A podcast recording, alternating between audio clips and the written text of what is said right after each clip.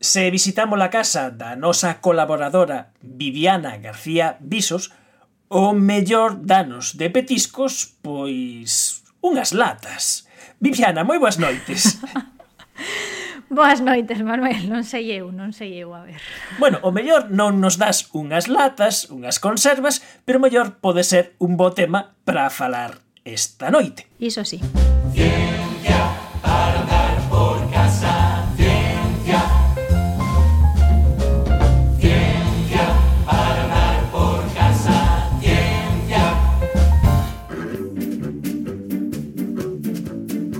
como de seguro eh, moitos dos nosos ointes saben, Galicia é a principal produtora de conservas de España e ademais con moita diferenza.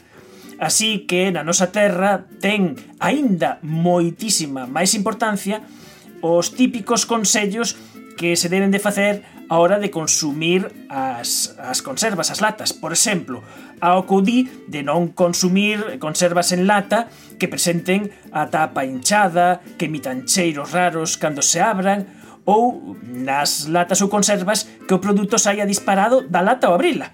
Ainda que isto, polo menos a min, aínda nunca me pasou. Non sei se a ti algunha vez, Viviana. Pois a verdade é que isto último non.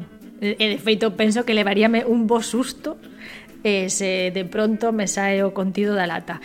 Os outros dous casos sí que penso que algunha vez me tocaron, sí. Mm, e que lles pasa as latas nestes casos?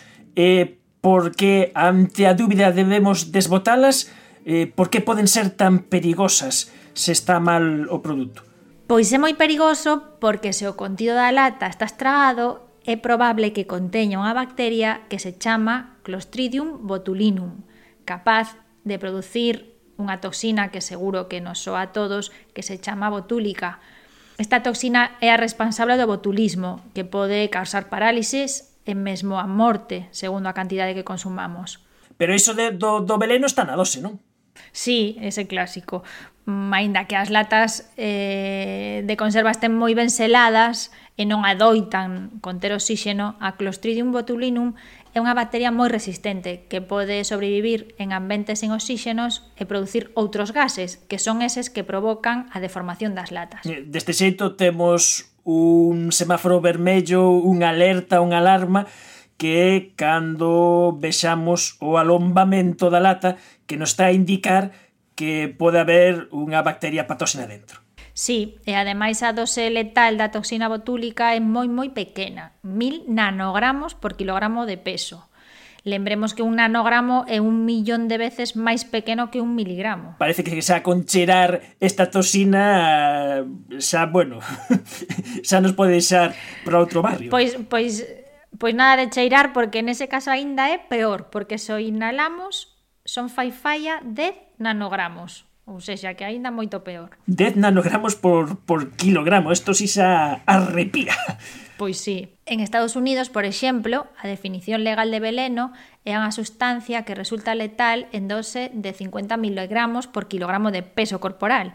Así que, se o pensamos ben, a toxina botúlica é un super veleno. Porque, a ver, imos pensar, se tomamos como peso medio un 70 kilogramos, Significa que unha dose letal de toxina botúlica serían 70.000 nanogramos, é dicir 0,07 miligramos. Vamos, que con unha lata de conserva chea de toxina botulínica, pois non sei, case que poderíamos matar a todas as persoas que viven nunha cidade de grande como Madrid. Si, si, nada, si que se o pensamos ben, temos armas de destrucción masiva na cociña. Pois sí, pero ti xa sabes que sempre que rebuscamos un pouco pola miña casa atopamos sorpresas. E, e unha cousa que a min sempre me deixou abraiado é como farían ao principio cando se inventou a lata de conservas e non había o abrelatas, porque, atención, eh, atención o dato que este, este, este sí que é para gañar sempre o trivial, non? Eh, tardamos 50 anos en inventar o abrelatas desde que se inventou a lata. Si sí, a verdade é que estou un pouco, eu cando o lin pensaba este un pouco non que foi antes ou ovo ou a galiña, pero bueno, neste caso estaba claro que que foi despois o abrelatas, eh, o que sabemos xa a ciencia certa, é eh, que a lata inventouse en Inglaterra en 1810, e eh, que foi un comerciante, Peter Durán, o que o que o fixo e que aínda tardou sete anos, ata 1817, en chegar a América do Norte. Respecto a como abrían, pois vamos a imaginar, porque os soldados británicos, por exemplo, tiñan que abrir as latas cunha baioneta. Uh -huh. Atención. e nalgúnas latas, eh, mesmo na parte exterior, non podíase ler como recomendación para abrilas córtese ao arredor da parte superior cun martelo. Claro, eu xa me imagino como serían esas latas do principio, me imagino feitas de ferro, Así que, bueno, tampouco era sinxelo atopar unha ferramenta eh, que fose quen de abrir eses tanques, eses, ese, esa comida aí. Estaría ben conservada, pero claro, pero a ver como abrías. moi, moi ben conservada, dende logo. Houbo que esperar a principios do século XIX a que aparecesen latas de conservas máis lixeiras e cun reborde fundamental para que se nos ocorresen os abrelatas.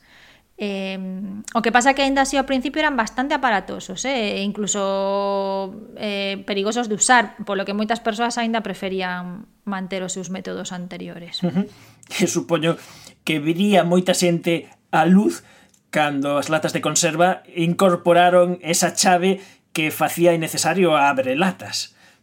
Ese clásico abre sinxelo ou abre fácil que, que, que despois moitas veces non é tan, tan, tan doado abrilas. Eh, eh, bueno, supoño que por iso o abrelatas aínda seguiu desenvolvéndose en moitos anos e en 1931 apareceu o abrelatas eléctrico.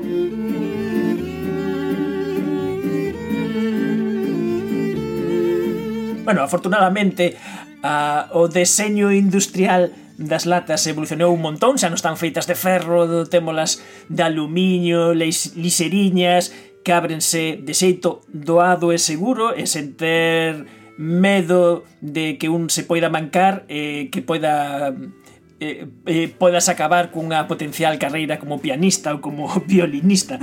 A, agora as cousas afortunadamente van ben, pero sí que foi moi interesante todas estas historias das, das latas dos abrelatas e da toxina botúlica, que é un arma de destrucción masiva que temos nas nosas cociñas. Ah, non queremos dar ideas. Ti xa sabes cousas de andar por casa. Pois ata a próxima, Viviana. Ata logo, Manuel.